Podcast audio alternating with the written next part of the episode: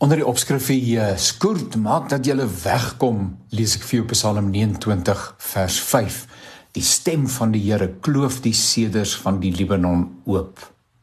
Die Bybel is 'n merkwaardige boek en 'n bron van wysheid wat in ewigheid nie uitgeput sal raak nie soos met gister se dagstukkie waar ons gesels het oor die belangrikheid daarvan om by die kragbron, hierdie hemelse kragbron ingeskakel te bly, is die Bybel net effektief in die lewe van 'n mens wat dit lees, daarna luister en dit ter harte neem. En so lees ek weer 'n keer die gedeelte in 2 Konings hoofstuk 7, 6 en 7. Jy kan gerus 'n bietjie daar gaan blaai. En ek kan nie in die detail ingaan nie, maar die kort en die lank van die saak is dat Israel benoude oomblikke beleef. Die stad Samaria is beleer en die mense daar binne is bestem om 'n stadige dood te sterf. Die Arameërs het die stad omsingel en maak seker dat geen kos of water die stad ingaan nie. So benard is die situasie desperaat dat Israel onrein voedsel eet, uh al wat nog beskikbaar is, maar dit is selfs onbekostigbaar. Jy kan gerus gaan lees dat niemand kan dit bekostig nie en boonop is dit onrein.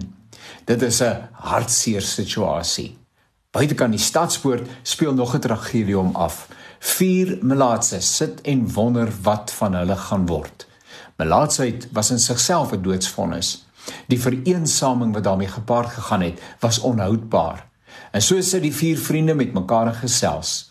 Daar's 3 alternatiewe op die tafel om hulle eie hongernood aan te spreek. Terug stad toe, wel Nou, nou een hulle is nie daar welkom nie en daar is niks om te eet nie. Met ander woorde in die stad sterf hulle beslis. Die tweede alternatief is bly net waar hulle is. Wel, dit gaan ook nie help nie want die situasie bied absoluut geen hoop nie. Die enigste alternatief is dat hulle die laar waar die Arameese soldate tuis is binne stap en hoop om genade te vind. Nou dis om jou lewe in jou hand te neem. Hulle is melaats en hulle is deel van die vyand en eh, watter kans is daar dat die Arameese soldate aan hulle genade sal bewys? Maar van die drie alternatiewe is die laaste die enigste wat 'n klein vlammetjie van hoop bevat. So waag hulle dit in die kamp van die soldate net om die plek leeg te vind.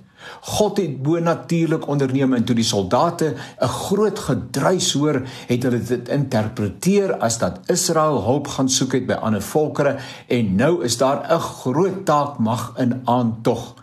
En sonder om te aarzel het hierdie klomp vyandige soldate op die vlug geslaan en alles net so gelos: kos, klere, wapentuig, kosbare items ensovoorts.